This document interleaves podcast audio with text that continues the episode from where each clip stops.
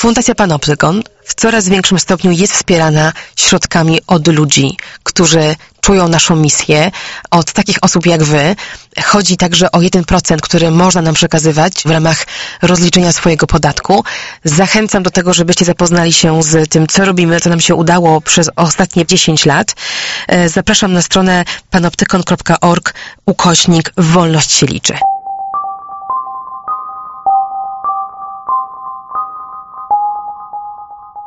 Witam serdecznie przy mikrofonie Katarzyna Szymilewicz jesteśmy w podcaście Panoptykon 4.0. Zapraszam na odcinek, w którym popatrzymy na uciekającą rzeczywistość, na trendy technologiczne, które próbują przewidywać tworzące prawo po to, żeby wyprzedzić problemy, zanim te staną się zbyt trudne do rozwiązania. Na trendy, które przewiduje biznes, z intencją taką, by zaprojektować usługę atrakcyjną dla konsumenta, zmienić nawyki konsumentów i zarobić więcej niż konkurencja. Na trendy, nad którymi pracują wynalazcy, dla których stawką jest zmienić paradygmat, przyspieszyć, wprowadzić do obiegu coś, czego jeszcze nie było e, i też najczęściej to skapitalizować. Nikt z tych interesariuszy rynku nie wie, co okaże się skuteczne, co tak naprawdę zbuduje rzeczywistość technologiczną jutra, jaki ten paradygmat będzie. Ale każdy na coś próbuje się przygotować. Trochę nie mamy wyjścia. Musimy spekulować, musimy przewidywać przyszłość, tylko w ten sposób możemy sobie wyobrażać ją i gotować się jakoś na zmianę. To jest szczególnie ważne w świecie polityki, w którym patrzenie wyłącznie wstecz e, nikomu się nie opłaca. Zwykle oznacza olbrzymie problemy i przegapione szanse. W tym roku, 2022, mamy nadzieję na to, że Unii Europejskiej wreszcie uda się uregulować największe firmy technologiczne i rozwiązać część problemów, które stały się oczywiste dla polityków 5-10 lat temu, a dopiero teraz dojrzały do rozwiązania. O tym rozmawiałam w poprzednim odcinku z Michałem Bonim. Ale co z problemami jutra, z tymi, które dziś jeszcze nie są oczywiste, a może okażą się równie ważne albo ważniejsze? Czy my mamy możliwość sobie je wyobrażać i kompetentnie, kompetentnie o nich e, rozmawiać? No właśnie, o tym wyzwaniu, o tym paradoksie bycia nigdy nie gotowym na jutro, a jednocześnie o tym, że musimy się przygotowywać na coś, chcę dziś porozmawiać z moim gościem, ekspertem od przyszłości. Jest ze mną w studiu Maciej Jagaciak. Technologie i człowiek. Człowiek i technologie.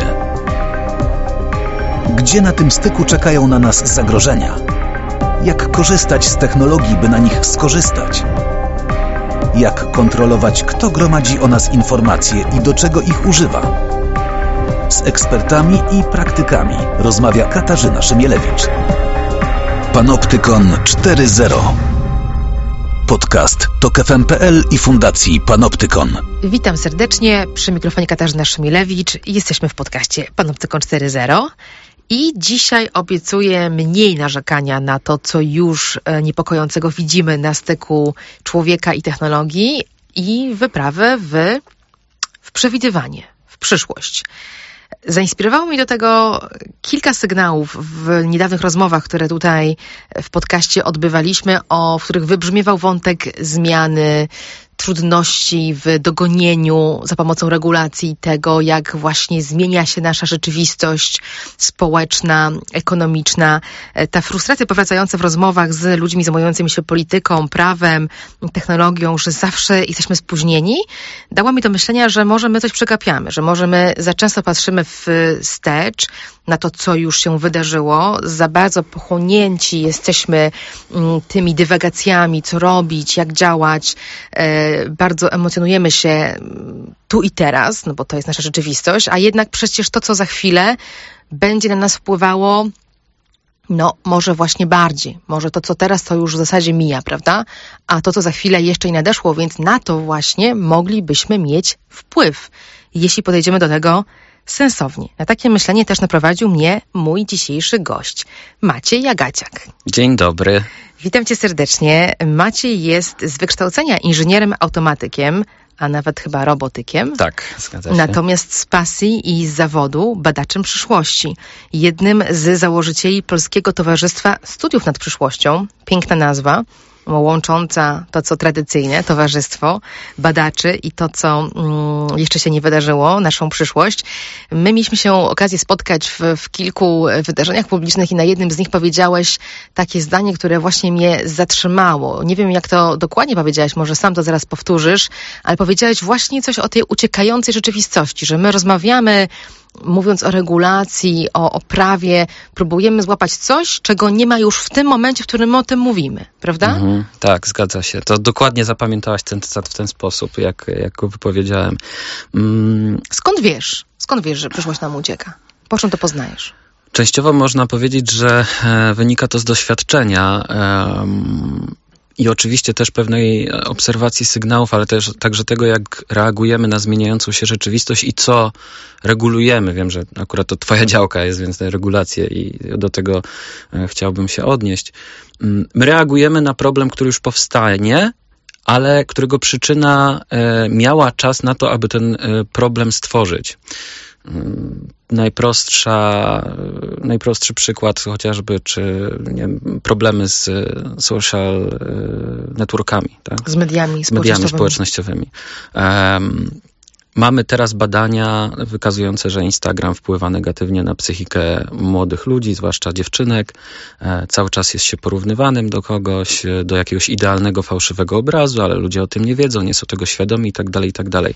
A Instagram liczy sobie ile? 8 lat? 7? No jakoś tak. To, prawda? Więc to medium powstało już wtedy i początkowo to było um, medium do dzielenia się ładnymi obrazkami, ale nic nie stało absolutnie na przeszkodzie, żeby zrobić pewien eksperyment, e, chociażby stricte myślowy i zadać sobie pytanie, co się stanie, jeżeli ja coś takiego wprowadzę. E, w pewnym sensie mm, tutaj dochodzi też fakt tego, że my bardzo, my, my, jak będę mówił my, to oczywiście mówię o całym społeczeństwie, czy też globalnej w ogóle Nie wyłączając stąd tak, na, tak, z niego tak. nas rozmawiających Oczywiście, oczywiście, że tak. Um, nie poświęcamy dostatecznie dużo czasu na to, żeby w ogóle myśleć o przyszłości, bo tak jesteśmy zaprogramowani ewolucyjnie. Nasze badania, nasza dziedzina studiów nad przyszłością, to w tej, w której zajmuję się zarówno jako e, założyciel Polskiego Towarzystwa Studiów nad Przyszłością, jak i też zawodowo codziennie jako analityk w firmie e, analitycznej 4CF. Mm,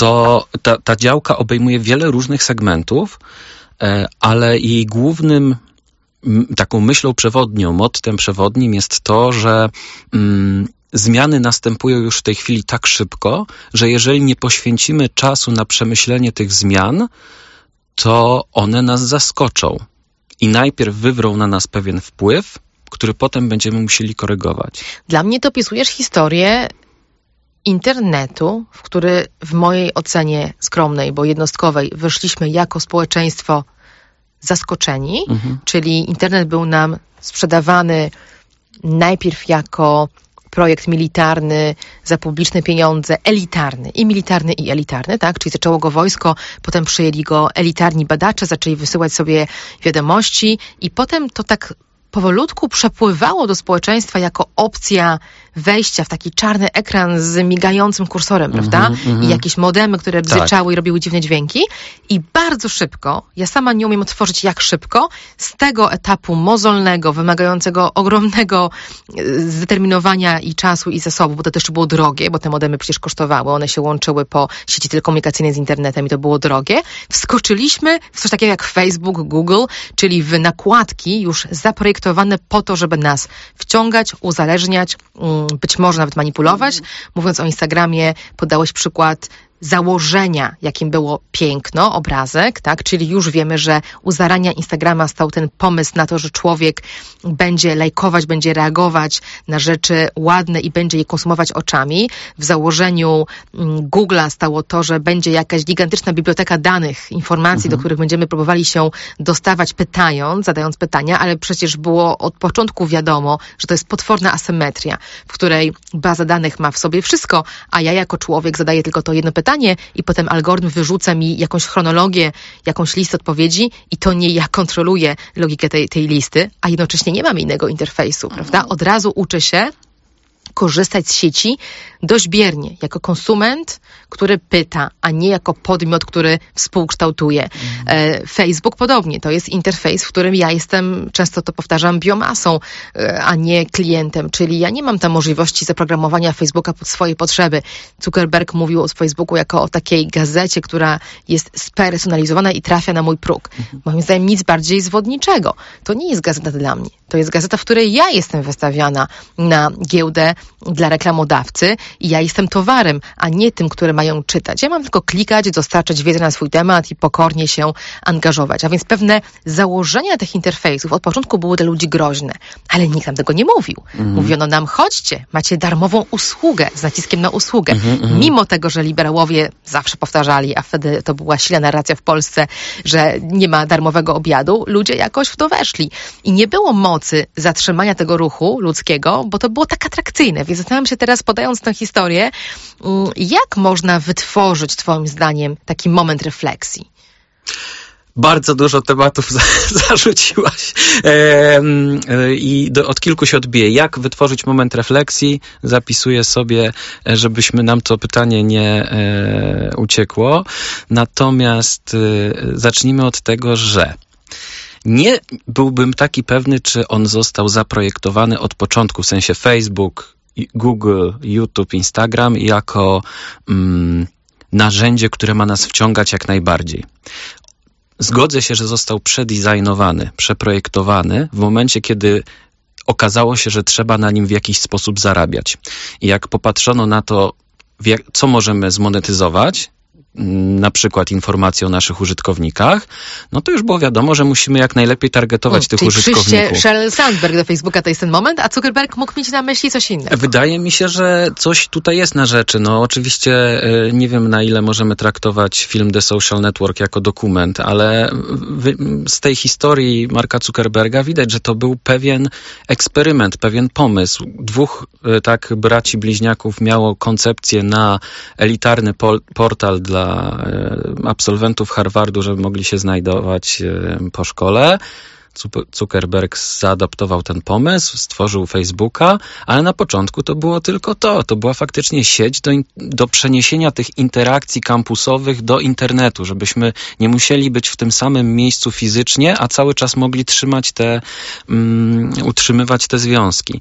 E, Google tak samo był przecież odpowiedzią na autentyczny, pojawiający się problem. Czy pamiętasz tak zwane książki z linkami? Taki artefakt tak, przeszłości, bardzo dziwny, że mieli mieliśmy wydawnictwo, Pascal wydawał takie, takie po, przewodniki po internecie. Jakie fajne strony możesz znaleźć? Znalazłam to niedawno. Mamy taki w biurze w Panoptykonie. No tak? właśnie. Przewodnik Pascala. Coś, o czym byśmy zupełnie nie pomyśleli dzisiaj i, i brzmi to śmiesznie, ale to był jedyny sposób na to, żeby w jakiś sposób odnaleźć się w gąszczu stron internetowych, które się pojawiały coraz, w coraz większej liczbie tak jak na tym naszym panelu pojawiło się to hasło, że 90% danych, y, y, które wytworzył człowiek, powstało w ciągu ostatnich dwóch lat. Mówimy tak od 10 lat.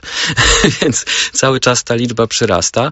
I to była odpowiedź na e, właśnie sprawienie, abyśmy mogli w ogóle z tych danych korzystać, no bo bez jakiegoś systemu przeszukiwania tego nie jesteśmy w stanie.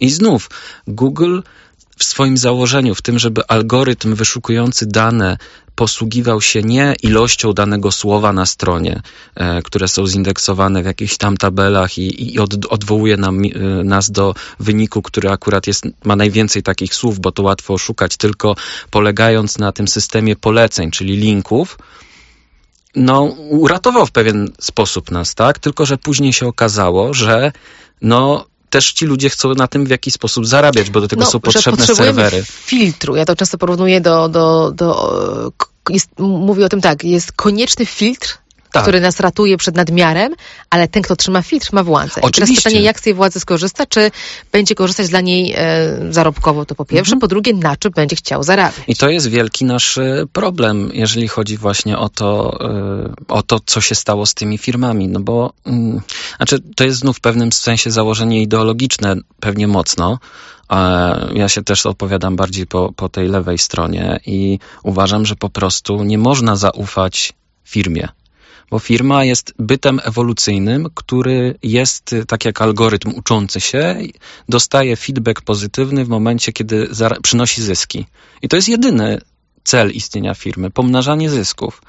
Oczywiście wiemy, że tam każda korporacja ma swoją misję, statement i tak dalej, i tak dalej, ale wszystko się koniec Don't końców sprowadza. Evil. Don't do evil. Google zmienił swój statement. Zmienił, oczywiście. Go.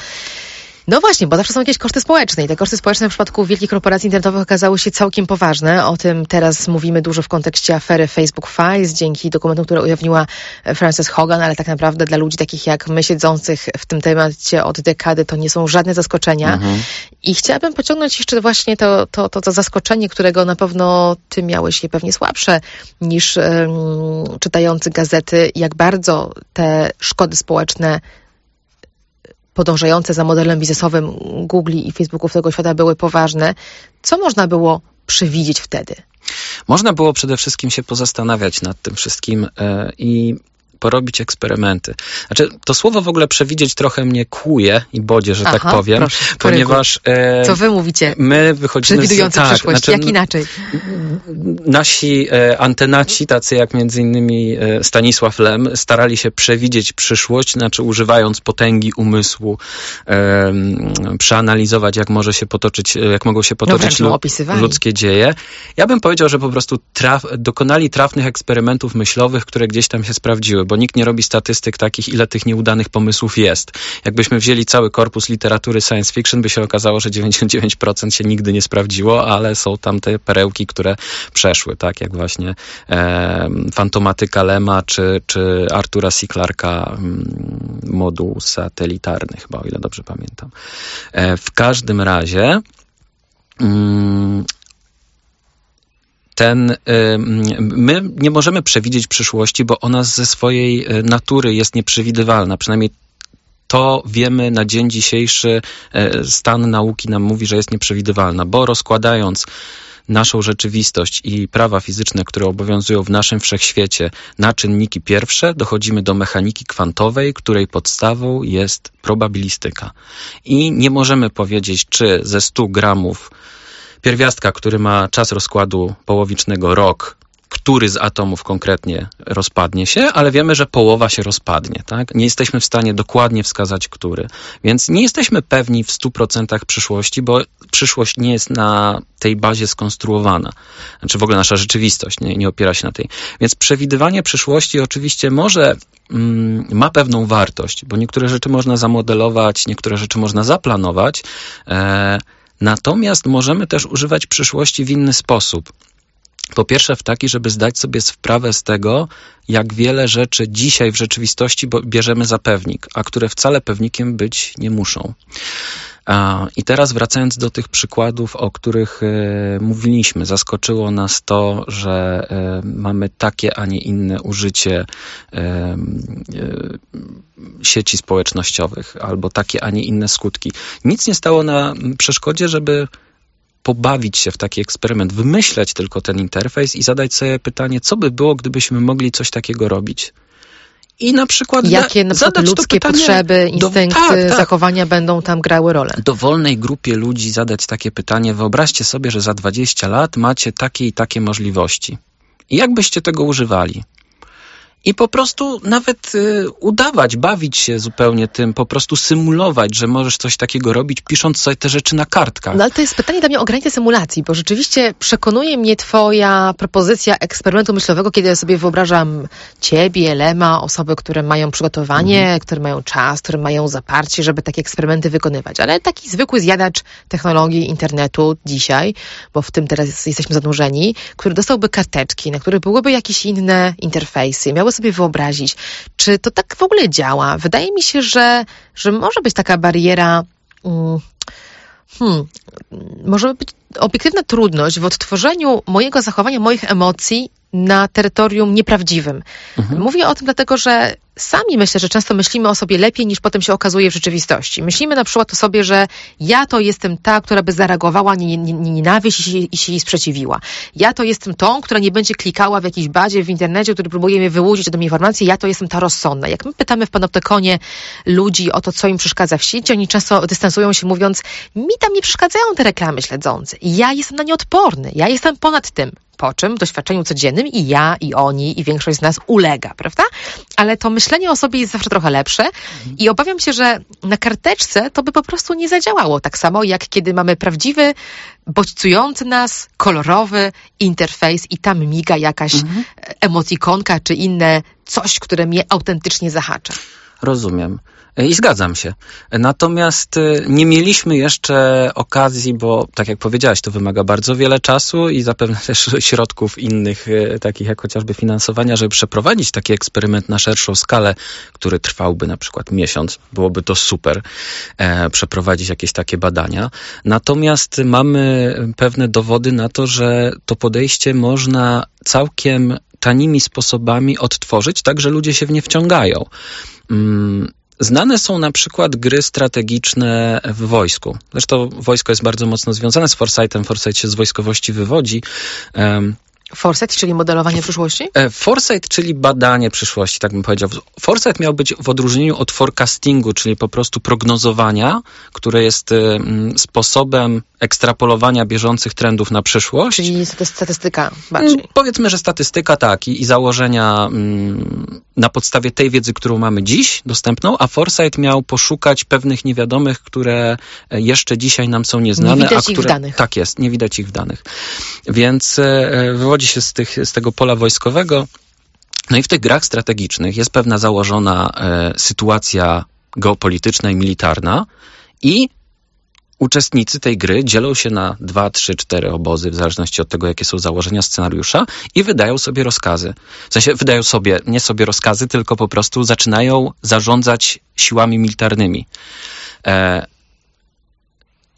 prowadzi się te gry w bardzo szczegółowy sposób, łącznie z tym, że na przykład dowódcy wydają rozkaz zapisując go na kartce i przekazując adiutantowi, aby zaniósł go do innego pokoju, w którym siedzi ktoś, kto rozstrzygnie losy tego rozkazu, czyli e, osoba, która na przykład rzuca kostką i sprawdza, jaki rezultat przyniosł, przyniósł dany rozkaz. Czy wojska przeszły, udało im się przejść zaplanowany dystans, czy też nie. Czy może coś się zepsuło, czy nie. I tak dalej, i tak dalej. I wydaje się, że ludzie się w coś takiego nie wkręcą, ale tak jak powiedziałaś, jeżeli zadać ci pytanie, co byś zrobiła, gdyby, to raczej podkoloryzujesz sama siebie. Ale jak już cię postawić w tej sytuacji, a jeszcze na przykład dodać do tego presję czasu, presję innych osób, to jakąś decyzję będziesz musiała podjąć. No tak, teraz wspomniałeś mi o tych eksperymentach e, słynnych psychologicznych, gdzie ludzie odgrywali role, jak bardzo one były Chociażby, tak? E, eksperyment Zimbardo, prawda? Czyli miligrama, tam gdzie mhm. ludzie musieli wejść, byli wpuszczani w sytuację i mimo, że wiedzieli, że ona jest reżyserowana, nadal mhm. e, działali no, na swoich instynktach, na tak. swoich automatyzmach. Tak. I e, to jest coś, co możemy wykorzystać i jest to jeden ze sposobów, w jaki właśnie przyszłość e, wykorzystujemy, możemy wykorzystywać i który być, mo- znaczy nie być może, na pewno by nam pozwolił uniknąć niektórych pułapek, bo moglibyśmy po prostu sobie to przetestować. Natomiast fakt jest taki, że większość z nas jeszcze nie dopuszcza tej myśli do siebie, że technologia zmienia kompletnie nasze życie. Wykresy rozwoju technologicznego, które opisuje się na przykład poprzez e, przyrost czyli ten, to prawo mura, przyrost y, y, mocy obliczeniowej w czasie, wykładniczy przyrost, y, warto tutaj dodać, ale też rozwoju technologicznego, który, czy, czy, czy rozwoju cywilizacji liczone poprzez PKB, starają się badacze dawnych dziejów oddać, jakie było PKB, nie wiem, w średniowieczu, jakie było w starożytności i tak dalej. I to jakoś narzucić na mm, oś czasu, wykazuje, że jest to właśnie wzrost wykładniczy. E, Czyli? To znaczy, że coraz szybciej się te zmiany dzieją. E, coś, co zajmowało kiedyś 100 lat, dziś zajmuje 10 lat. Ale nasze życie, e, nasza długość naszego życia się jeszcze dodatkowo przy tym wszystkim wydłuża. Żyjemy coraz dłużej. Więc tak jak kiedyś, to jest mój ulubiony przykład, jeżeli ktoś się urodził powiedzmy w 1715 roku i umierał w 1790 roku, to można było powiedzieć by, że w zasadzie umierał w tej samej rzeczywistości. Więc jeżeli jego ojciec e, czy matka, rodzice tu uczyli tego e, nowonarodzonego człowieka w tym 715 roku, że powinien zachowywać się tak i tak, a oczywiście kultura dodatkowo to wszystko wzmacnia różnymi stereotypami, różnymi wzorcami kulturowymi, to tak naprawdę był to zbiór, można popatrzeć na to jako na zbiór strategii na przetrwanie, na przeżycie, na to, żeby wiodło się nam tobie jako jednostce, ale nam jako społeczności jak najlepiej. I też określenie tożsamości tego człowieka, kim tak, on był. oczywiście, to też tworzy tę tożsamość, ale ona tworzy się w odniesieniu do tego, co jest dobre, co jest złe. Um, on wiedział, jak być dobrym tak. rolnikiem. W rozmowie z Jackiem e, Dukajem, w pojawi, twojej rozmowie pojawiło się to stwierdzenie, że potrzebna jest, e, zawsze odbijamy się mówiąc o dobrym i złym, o jakiejś aksjologii. I w momencie, kiedy dochodzi do zmiany tej aksjologii, no to nie ma jak dyskutować trochę ze sobą, bo my uważamy coś Tracimy za dobre, kompas. dlatego że jest dobre i jak dobre, to znaczy, że po prostu musimy tak robić. A e, my powoli zaczynamy tracić, e, my, inaczej, podążamy za starym rozumieniem tego, co jest dobre. Bo tak jak jest powiedział. w naszej rzeczywistości, kontrastując to? Ktoś, kto się rodzi w 2001, czego doświadcza? No zobaczmy, ktoś, kto się urodził w 2001 roku, w momencie, kiedy miał 3 latka, e, pojawił się YouTube. Więc w momencie, kiedy on już mógł oglądać bajki na YouTubie, czyli ma poczucie, że dla e, rozrywki w sensie rozrywka przychodzi w dowolnym momencie, kiedy jest ja chcę. Na ren, położona jest na, na dłoni. Tak. Te, w telefonie, który mieści się w dłoni. chwili i w dowolnym, w dowolnym momencie. E, kiedy ma 18 lat, no to jest 2019 rok, czyli dwa lata temu. Więc dojrzewa, kiedy staje się świadomym dorosłym, kiedy zaczyna podejmować pierwsze decyzje polityczne, głównym przekazem jest to, że jeżeli politycy czegoś nie zrobią, to za 20 lat będziemy mieli totalną katastrofę klimatyczną, e, w ramach której e, wyginiemy po prostu. Że ten człowiek żyje już w przeświadczeniu w takim jak fin de cycle, prawda? Że to już jest koniec czasów. Mam 20 lat jeszcze na to, żeby żyć. No to ja się nie będę zastanawiać, e, gdzie mam kupić sobie mieszkanie na kredyt 30-40-letni, bo za 20 lat i tak nie będę żył, bo, bo tutaj będzie tak gorąco, że nie wytrzymam, albo na przykład będę musiał konkurować o pracę z dziesiątkami milionów e, emigrantów e, klimatycznych. To się oczywiście dzieje w tle.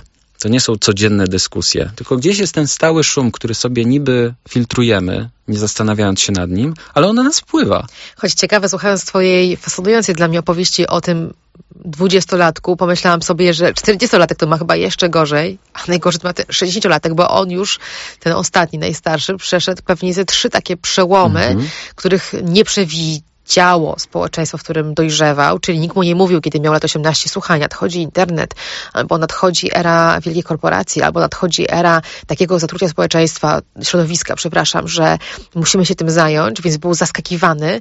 E, głowie się nad tym, co mogłoby zaskoczyć tego dwudziestolatka. E, w nadchodzącej przyszłości? No nawet dzisiaj, czego on, jaki przełom go dotyczy? Bo tak naprawdę on już się urodził w świecie z internetem, już się urodził w świecie zdominowanym przez globalne korporacje. E, może zaskoczyło go właśnie to, jak poważnie mamy do czynienia z kryzysem klimatycznym, tak? Z pewnością z jednej strony, ale można sięgnąć po coś, co jeszcze się utrzymuje, czyli pandemia. Jeżeli dla większości ludzi normą było to, że spotykam się z moimi koleżankami, kolegami po południu, po szkole, chodzimy sobie na, nie wiem, do kina, na, na kawę, e, czy, czy w jakiś inny sposób spędzamy razem czas, a po czym nagle musimy wszyscy się na kilka miesięcy zamknąć w domach i nie wychodzić. Jeżeli moim jedynym sposobem regenerowania baterii było spotkanie z przyjaciółmi, a ja teraz jedyne, co mogę zrobić, to, to napisać do nich SMS-a, czy, czy, czy pogadać na, na komunikatorze, czy, czy, czy na zrywającym połączeniu na, na Zoomie, no to y, mamy już jakiś wpływ na psychikę i to jest coś zaskakującego. Braliśmy jako, w sensie ci młodzi ludzie mogli brać jako pewnik to, że mam swoich kumpli, oni, oni będą na zawsze, przy mnie, fizycznie przy mnie. No nie, No tak, ich rodzice musieli przejść do porządku dziennego na tym, że w internecie jest inaczej i że like w internecie nie znaczy tak naprawdę lubię cię. Mhm. To tak jak w rozmowie z Amerykaninem musimy się łapać, my Polacy szczególnie, za to, że on naprawdę nie pyta o tak ja się czuję, kiedy pyta how are you. Tak. To nagle mamy w internecie na masową skalę taką zmianę doświadczenia, że ludzie lajkując mnie, hejtując mnie, mówiąc cokolwiek do mnie, tak naprawdę mnie nie widzą, bo ja jestem tam jakąś ikonką, a być może wcześniej będąc na rynku swojego miasta, w sklepie, w kościele, w szkole miałam inne doświadczenia. To były serio interakcje, a nagle jest inaczej. Ten dwudziestolatek już był wychowany w tym, że, że ten dystans jest większy, ale może mógł go odreagować gdzieś. I nagle to, ta przestrzeń odreagowania, tego pójścia razem na ławkę i, i przerobienia tego, co być może w internecie było trudne, znika, prawda? Czyli musimy się nauczyć nawigować bez kontaktu fizycznego. Straszna sprawa. Jest coś, te, znaczy znów nie chcę wchodzić, to, to są oczywiście takie moje impresje. Mam wrażenie, że to młode pokolenie dzisiejszych nastolatków jest bardzo bardzo wrażliwe, ale mówię to w pozytywnym sensie, to znaczy wyczulone na swoje własne emocje i też y, bardzo przytulaśne, w sensie bardzo lubią y, mieć ze sobą kontakt, który się czuje. Może nie mam na to badań żadnych oczywiście, ale takie, taką mam impresję przynajmniej z tych grup, z którymi mam kontakt. I teraz y, pytanie można sobie zadać, skąd się to wzięło? Być może właśnie stąd, że y, żyją na co dzień w mm, rzeczywistości internetowej, gdzie z powodu no, jakiegoś potknięcia się, tak, jakiegoś y, mm, faila, który gdzieś tam się zaliczyło, możemy nagle zostać zalani falą nienawiści w postaci hejtu. I zupełnie obcy ludzie zaczną mnie hejtować, bo to jest też przerażające w tej sytuacji. Wcześniej, jeżeli miałem jakiegoś e, prześladowcę w szkole, no to wiedziałam, że muszę go unikać, ale, ale Wiedziałem, miałem... ki- kim on jest Tak. i dlaczego mniej więcej to robi. I nie miałem poczucia, że cały... za- Zawsze rodzice mogli powiedzieć, daj spokój, to jest jedna osoba, reszta w ogóle... Albo pogadam z tak, nim w najgorszym razie. W najgorszym razie. Ale reszta świata patrzy na ciebie inaczej, a w tym momencie e, widzisz to swój odbiór e, z, m, na swoim wallu i widzisz, że cały świat cię nienawidzi. Na przykład, bo po prostu obcy Taką ludzie, obcy, ludzie, obcy ludzie przychodzą i zaczynają cię hejtować. Więc Nic po- bardziej mylnego oczywiście, bo ten świat macie kompletnie Oczywiście, poza tak, tak, tak, radarem. tak, tak, to tak. znaczy nie istniejesz dla niego jako osoba. Realnie nie, ale Jest to ktoś jednak moment. kieruje komunikat prosto do ciebie, tak, że, że o Boże, jaka e, ta osoba jest taka czy owaka i tak dalej. Więc e, być może właśnie to te, ta wrażliwość na taką stawiam hipotezę, ta wrażliwość na, na, na, na siebie nawzajem, na to, żeby być blisko siebie, żeby dawać sobie wsparcie, była mechanizmem obronnym przed hejtem w internecie. Po czym przyszła pandemia, hejt został, a tej, tego mechanizmu już nie można dalej podtrzymać. No właśnie, moglibyśmy próbować to rozpakować od drugiej strony, czyli tej aksjologii, którą em, przypomniałeś. em, moglibyśmy próbować kwestionować to, co, to, co, co tu jest realne, co jest nienawiścią, a co jest wyłącznie tekstem na ekranie. Jeżeli to byśmy mogli sobie przebudować, czyli wykonać pewną pewne, pewne ewolucyjne przys- przystosowanie do życia w sieci, tak jak przez wieki ewoluowaliśmy do możliwości wchodzenia w interakcje fizycznie i nauczyliśmy się rozpoznawać, co to jest uśmiech, a co to jest krzywienie, kiedy ktoś krzyczy, a kiedy jest miły, to w tym momencie musimy wykonać taką pracę jako zbiorowość na internecie i to dzieje się dla nas za szybko, prawda? To jest to, o czym mówiłam wcześniej. Ja nie wiem, czy my moglibyśmy, moglibyśmy to zamodelować jakoś skutecznie i się przygotować na zmianę, w której jesteśmy zanurzeni. E, Skojarzyła mi się taka, mm, taka historia, którą kiedyś na jakichś targach chyba technologii e, miałam okazję obserwować, taki pomysł, żeby do internetu przyłączony był rękaw. Rękaw, w którym wkładasz sobie e, przed ramię i kiedy hejtujesz kogoś, to ten rękaw daje ci sygnały, że to jest nieprzyjemne. A kiedy lajkujesz i jesteś miły, to daje ci głaski, żeby zaczynać mieć, żeby stworzyć jakiekolwiek przełożenie tych emocji na ciebie, prawda? Taka, taka próba chyba karkołomna i nigdy na większą skalę nie e, zastosowana zrobienia czegoś z tym problemem, o którym mówimy. A ja myślę teraz inaczej. Może właśnie odsianie emocji z tego, czyli uczenie się, że to są tylko obrazki, tylko kawałki tekstu. Tam nie ma ludzi, tam nie ma rzeczywistości. Może byłoby lepszym przystosowaniem. I znów, to jest coś, co moglibyśmy sobie zamodelować, zrobić taki eksperyment, e, który, który dla badaczy przyszłości na pewno jest bardzo ciekawy i byśmy go z chęcią miłą zrobili. E, widzę pewne, e, tak już bardzo konkretnie się odnosząc do tego, e, do tego pomysłu, e, pewien problem taki, że e, ewolucyjne mechanizmy muszą mieć jakiś ten pozytywny sprzężenie zwrotne, sygnał pozytywny i sygnał negatywny. No i w momencie, kiedy byśmy uczyli ludzi, że to, co w internecie jest y, nieważne, bo nie ma sensu się tym przejmować, bo to, jest tylko kawałek tekstu i tak dalej, i tak dalej, byłoby bardzo trudne w momencie, gdyby e, ludzie, na których e, odbiorcom zależy, zaczęli kierować te negatywne komunikaty. Chodzi mi o to, że dopóki jakieś anonimy piszą mi, że jestem głupi, no to mogę się tym nie przejmować, ale jeżeli 10 anonimów napisało, że jestem głupi, a potem pisze osoba, którą szanuję, na przykład znany, nie wiem, dziennikarz, tak, patrzmy case Twittera, gdzie się pisze na, na jeden wpis e, e, anonimów czy tam no-name'ów przypada jeden, e, jeden, jedna znana osoba, ale ona od razu podbija stawkę, bo to już napisał ktoś, kto ma autorytet. I tego autorytetu się nie da odciąć. Pewnie, gdybyśmy wszyscy byli kompletnie anonimowi w internecie, wtedy nie miałoby to żadnego znaczenia. Pewnie byśmy się nauczyli tego, że to nie ma żadnego znaczenia. I przestali w to grać. I przestali w to grać, ale my nie chcemy być anonimowi w internecie, tak naprawdę. Dążymy do odtworzenia tam prawdziwych relacji na swoją własną zgubę być może, ale nie mamy lepszego mhm. forum, albo to jest nadal najłatwiejsze, najbardziej atrakcyjne i wpak- wpakowujemy się sami w taką no, spiralę emocji, nad którą nie możemy przejąć kontroli, mhm. bo tam jest bardzo ciężko powiedzieć dość. Tak. Przestańcie tak, już. Tak, zwłaszcza. Nie wygłupiajcie się. Zwłaszcza tak jak mówisz, że wszystkie te interfejsy są projektowane tak, żeby nas jak najdłużej zatrzymać przy, przy ekranie. Zatrzymajmy się przy projektowaniu w takim razie, bo powiedzieliśmy sporo o ludziach. Bardzo podoba mi się Twoja propozycja dystansowania, eksperymentowania myślowego, e, modelowania e, dotycząca nas. A co z firmami? Bo to przecież one projektują ten świat i ten, w którym jesteśmy zanurzeni i ten, który będzie za chwilę. Czy na przykład dla Was przewidujących, modelujących to, co nastąpi, e, patenty to jest jest jakiś ciekawy trop? Szczerze mówiąc, niespecjalnie.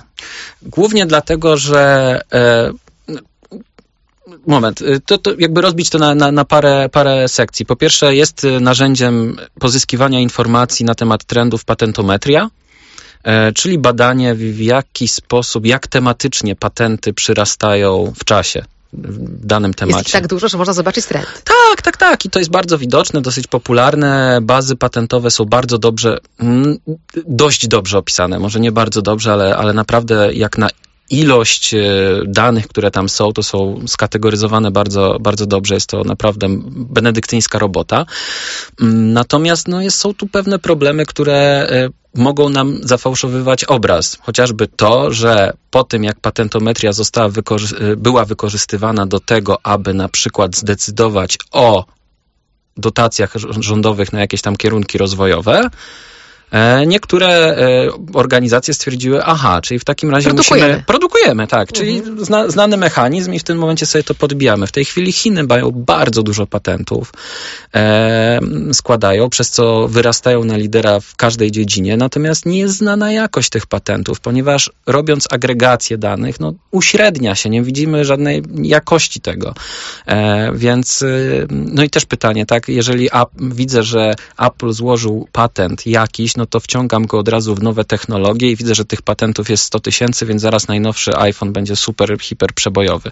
A może się okazać, że te patenty to jest patent na y, wzornictwo, tak, który w żaden sposób nie zmienia mojej funkcjonalności. Może nie zmieniać, nie mówię, że nie zmienia na 100%, ale funkcjonalności nie zmieni. No, ale może jeden na, na 100 daje do myślenia. Pytam o to dlatego, że zobaczyłam niedawno nagłówek w jednej z polskich gazet oparty, zakładam, o jakiś zagraniczny tekst, ale nie sprawdzałam źródła, mhm. że Google i Microsoft opatent, już, cytuję, opatentowały technologię, która pozwoli nam żyć po śmierci, żyć mhm. po śmierci tak jak w serialu Black mhm. Mirror. Mhm. Zaraz wracam, odcinek Zaraz wracam, bardzo tak. polecam, mocny odcinek, czyli e, krótko streszczając, umiera gwałtownie człowiek, partnerka nie umie sobie się z tym pogodzić albo nie natychmiast i zaczyna e, współdziałać z programem komputerowym, który odgrywa mhm. jej męża, korzystając z ogromnej ilości informacji, które on za sobą zostawił. A więc e, nie tyle historia taka, że my e, transhumanistycznie przenosimy swoją świadomość na chip, tego, o ile mi wiadomo, nikt jeszcze nie patentuje, ale że można czerpać z naszych mhm z danych o nas, żeby odtwarzać to, jak my działamy programem komputerowym i na przykład tworzyć taką iluzję obecności dla innych. Tak. Przerażające, prawda? Z jednej strony tak, z drugiej strony, no właśnie, przerażające, ale to odbije piłeczkę. Dlaczego, Kasiu? Bo jest to fake, bo jest to coś, co zastępuje, Dlaczego? co realizuje, jak rozumiem, istotną potrzebę ciągłości, niezgody na odchodzenie bliskich w sposób, który nie jest prawdziwy, czyli nie nakarmi prawdziwej potrzeby, jaką byłoby chcę mieć tego człowieka obok siebie. To trochę tak jak szukamy Mhm. wspólnoty na Facebooku, prawda? Mhm. Ja bardzo szanuję potrzebę wspólnoty, sama ją odczuwam. Szukanie jej tam, gdzie jej nie ma, bo tam są tylko lajki, emotikony i Mhm. jakieś ikonki, dla mnie jest błędem. Błędem z klucza błędna inwestycja mojej energii, która się na mnie zemści. Rozumiem, I ale taką czy myśląc- nawiązałaś kiedykolwiek w internecie e, przyjaźń jakąś? Albo chociaż znajomość koleżeńską? Taką, która Nigdy- rozkwitła do poziomu Nie. bardzo bliskiego. Nie, nigdy, żeby ona Zdarzyło była z internetu. Zawsze byli Okej. to ludzie realni, którzy tam być może byli dla mnie częściej czy bardziej, ale zawsze Okej, było to oparte o fizyczny kontakt. Em, Wiem, że w środowiskach które, osób, które dużo czasu spędzają w sieci, typu e, na przykład środowiska e, graczy w gry online, znajomości wywodzące się z sieci są e, powszechne i są znane przykłady. Wow, nawet znam jednego tak muzyka, który właśnie opowiadał, że gry online są jego w zasadzie taką drugą rzeczywistością. Nawet nie wiem, czy nie bardziej Sugestywną? Powie, określił to w ten sposób. Wszystkie moje najpiękniejsze wspomnienia z życia były online. E, I z, w jego grupie grających w jakieś tam konkretne tytuły e, potworzyły się pary, pozakładały się rodziny, które oczywiście przeszły do tego życia realnego, Uf. ale dlaczego? Dlatego, że to życie realne wciąż jest bardzo odległe od życia online. Nie jesteśmy w stanie przenieść wszystkiego z realu. Na przykład dziecka. Ale jeśli technologicznie będziemy mogli to przenieść. No i czy, czy w Przecież- twoim przewidywaniu mieści się taki scenariusz? Em, Że coś no i znów, mówi, mówisz o przewidywaniu. E, Ja nie, nie, nie powiem, jakie jest prawdopodobieństwo tego, że tak się stanie, ale lubię myśleć o tym, jakie będą konsekwencje tego, że się tak zadzieje. Ja używam często takiego sformułowania wszyscy na krzem. To znaczy, żeby wszystkie nasze zakłady, bo, bo znów też odwołując się do tych patentów Google i IBM-a, o ile, na ile wiemy, co można patentować, to można opatentować wszystko, bo też się na patentach zarabia po prostu e, ci, którzy patentują. Więc jeżeli e, ktoś opisze, że Mam koncepcję technologii, która jeszcze nie wiem jak, ale odtworzy połączenia neuronów w mózgu jeden do jednego za pomocą sieci neuronowej komputerowej. No to, to ja to patentuję. I teoretycznie mam po- poczucie, że to będzie tożsamość człowieka, tak? No bo jest, czym, czym jesteśmy, Przynajmniej tak? jego inteligencji. Na przykład, no my cały czas jeszcze nie wiemy dokładnie skąd się biorą nasze odczucia i tak dalej, no ale No, trochę wiemy. Wiemy trochę o tak. hormonach, e, o tym, co się dzieje w ciele, Mhm. prawda? Czyli trochę wiemy, że mózg odtworzony Mhm. jeden do jednego w sieci e, neuronalnej komputera nie będzie miał ciała, w którym zachodzą procesy chemiczne. No tak, ale procesy chemiczne to jest po prostu, rozkładając to na taką wysokopoziomową e, rozmowę o systemach w ogóle, teorii systemów, no to procesy chemiczne w naszym ciele są wzmocnieniami lub osłabieniami tylko impul- impulsów. Czy można byłoby to zamodelować? Tak, no, jeżeli widzimy e, znów no, wpływ e, neuroprzekaźników, to jest wzmacnianie połączeń między konkretnymi neuronami, tak, że ten impuls elektryczny biegnie tamtędy silniej, a nie jest blokowany. Więc można to zamodelować bez problemu, tylko my nie wiemy, co tam jeszcze jest. Jak to dokładnie zamodelować? Moglibyśmy stworzyć pewnie jakiś prymitywny e, układ, ale już się pojawiają takie e, doniesienia, że e, praca naszego mózgu przypomina pracę kilku takich e, tych e, wyspecjalizowanych sztucznych inteligencji, które już mamy dostępne, takie jak właśnie rozpoznawanie obrazu, że to jest przetwarzanie danych, wyplucie danych do drugiego systemu sztucznej inteligencji, tam przetworzenie ich i takie przekazywanie sobie tych informacji, żeby e, to e, no po prostu funkcjonowało, tak żebyśmy przeżyli. Czy ja dobrze rozumiem, że w takim razie ty nie generujesz w swojej głowie odcinków czarnego lustra, swojego osobistego Black Mirror i nie próbujesz wyobrażać sobie scenariuszy, które na przykład są negatywne albo pozytywne i pytać się, co w związku z tym, tylko dopuszczasz, że rzeczywistość się rozgałęzia i że prawie wszystko jest możliwe. Jeżeli już to powinniśmy być przygotowani na na różne możliwości? Tak. Nie obstawiasz jakby bardziej jednych, a mniej drugich? Mogę to robić oczywiście, ale to jest właśnie bardziej dziedzina jakiegoś forecastingu, czyli właśnie przewidywania, co się wydarzy, jakie jest prawdopodobieństwo. Um, natomiast to nie jest, nie jest potrzebne, bo nie, nie w każdym przypadku jest potrzebne. Jeżeli chcę obstawiać e, coś na loterii, to owszem, może się to mi przydać, tak? Natomiast e, taką, takiej metafory użyję. No, można grać w totka po to, żeby y, liczyć na wygraną te, te, tego miliarda, tak? Ale wiadomo, że ma się na to ma bardzo małe prawdopodobieństwo, że można, po, więc można powiedzieć, po co mam to robić? To jest wydawanie no, pieniędzy w błoto. Wyszliśmy, mhm, przepraszam. Daj mi dokończyć. Mhm. Ale można też grać w totka tylko po to, żeby móc myśleć, sprowokować się do myślenia o tym, co bym zrobił, gdybym miał miliard. No właśnie, i do, do tego bym się przyczepiła, że przecież od tego wyszliśmy w naszej rozmowie, że chcemy tę przyszłość włączyć mhm. do myślenia o rzeczywistości, żeby się przygotowywać, mhm. żeby nie być zaskoczonymi. I w tak, takim myśleniu ja potrzebuję coś obstawić. Potrzebuję obstawić, który to będzie scenariusz. Czy to będzie scenariusz z siecią neuronową, która zastępuje ludzki mózg, czy to będzie scenariusz z botem, który udaje człowieka i jeszcze wszystko pomiędzy, prawda? Y, bo nie mogę się na wszystko przygotowywać. Tak, pełna zgoda. E, są tutaj dwie szkoły. Bardziej tradycyjna szkoła mówi o tym, że po prostu trzeba e, przygotowywać się i analizować jak najwięcej różnych scenariuszy, żeby wymyślać strategię poruszania się w każdym z nich. Natomiast ta szkoła też mówi, że nigdy nie przygotujemy się na wszystkie możliwe, bo no, nie da się, ich jest nieskończenie wiele. Zgadza się na to, obstaw te najbardziej prawdopodobne, na nie się przygotuj, a reszta no trudno, będziesz improwizować. Druga szkoła mówi, owszem, jest y, duże prawdopodobieństwo y, kilku tylko scenariuszy i ono wyczerpuje większość możliwości, ale to, co cię naprawdę zaskoczy, to jest coś, o czym nawet nie jesteś w stanie pomyśleć, bo to jest taka nowość i taka innowacja, że nie ma sensu się na nią przygotowywać, bo nie jesteś w stanie o niej pomyśleć. Takim przykładem byłoby znaczy, oczywiście był internet, ale mm, przykładem, o którym się mówi w tej chwili, e, znaczy w tej chwili, przykładem, który jest taki bardzo dobitny o tym, że nie jesteśmy w stanie nawet pomyśleć, co się stanie, jest tak zwana singularity, czyli ta ogólna sztuczna inteligencja albo super sztuczna inteligencja. Osobliwość. Osobliwość, tak.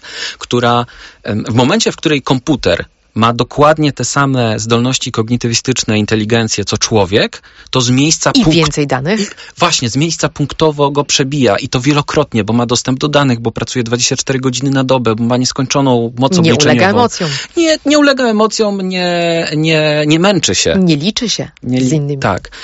Podejmuje konkretne decyzje, więc z punktu jesteśmy bardzo daleko i mi od tego momentu, to, to, to, to, to pojęcie singularity wprowadził Ray Kurzweil i on twierdzi, że od tego momentu nie jesteśmy w stanie nic powiedzieć na temat przyszłości, bo ona jest poza naszą, e, naszym polem pojmowania, polem pojęciowym.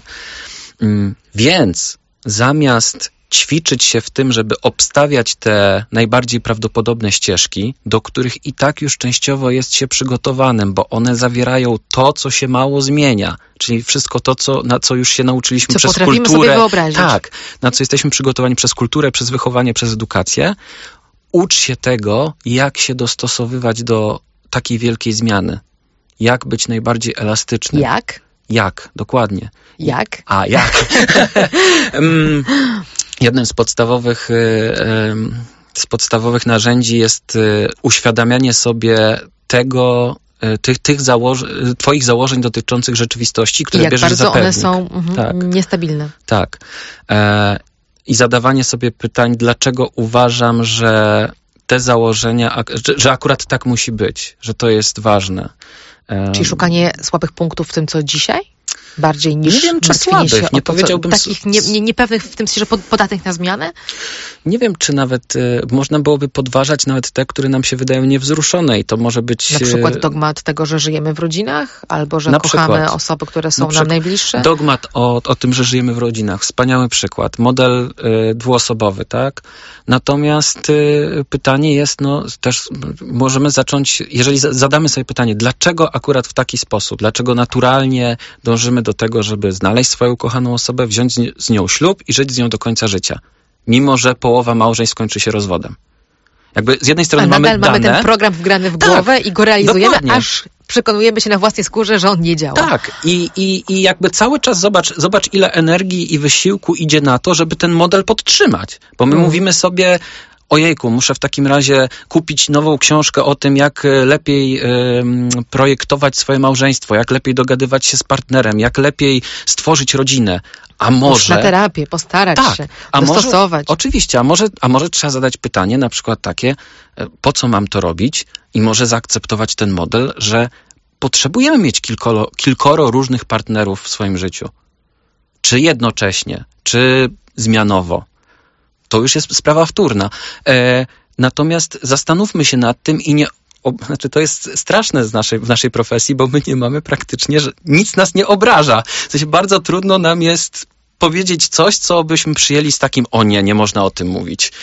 E, my musimy dopuszczać... Do... Jedyne, tak. o czym bym pomyślała, że jest mi trudno wyobrazić sobie przerwanie tego, to jest mechanizm miłości do potomstwa, czyli zakwestionowanie tego, że bliższy jest mi człowiek, którego mhm. fizycznie gdzieś przy swoim ciele, w przypadku kobiety jest mhm. to coś, co było w jej ciele, a potem jest bardzo blisko jej ciała i przybywa blisko, bo tam jest ta, ta więź hormonów, ta mhm. więź emocji.